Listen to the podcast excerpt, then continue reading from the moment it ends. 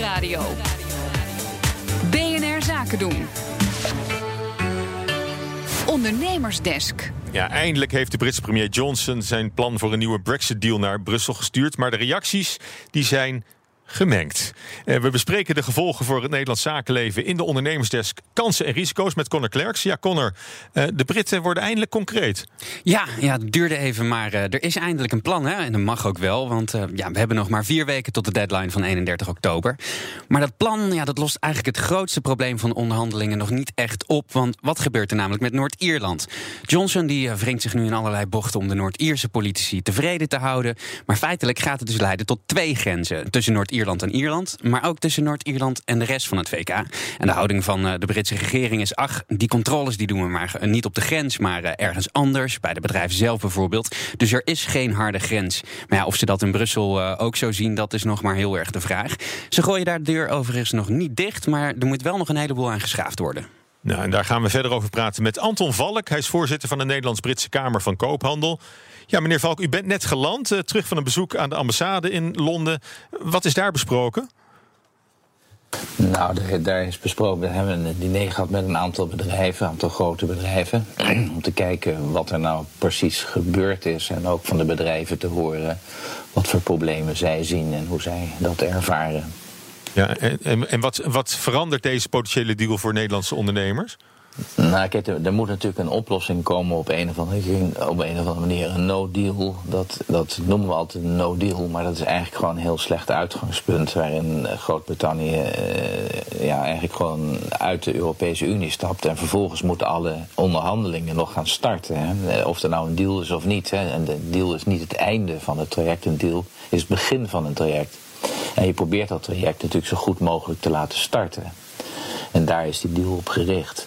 Dus bedrijven die, uh, ja, die, die, die zien dat. En grote bedrijven hebben natuurlijk al heel veel aan gedaan. Hey, kan je voorstellen aan bedrijf als KLM, uh, die, uh, die natuurlijk ja, moet blijven vliegen. En waarbij, waarbij allerlei, ja, allerlei dingen geregeld moeten worden dat je, dat, je, dat je door kan gaan. Um, maar goed, er is, natuurlijk heel veel onrust is er. Dus door, door de hele, um, door de hele uh, onduidelijkheid en de onzekerheid nemen de investeringen in Groot-Brittannië af. De markt in Groot-Brittannië, dus de, de consumenten in Groot-Brittannië, die kopen minder. Dus hoge inflatie is er. Dus er zijn allemaal dingen die, die. De pond is nog steeds heel erg laag. Dus er zijn allemaal onderwerpen die voor het Nederlandse bedrijfsleven, voor de Nederlandse export van groot belang zijn. Ja, precies. En met deze plannen van meneer Johnson, is er nu zicht op een deal, denkt u? Is die kans toegenomen? Nee, dat, dat, is, dat, dat kan je eigenlijk niet goed zeggen als van, van buiten. Want dat is dan kristal, kristallenbol kijken. Uh, de, de, de, Europese Unie en Groot-Brittannië hadden een, een overeenkomst. En die overeenkomst had een aantal elementen erin.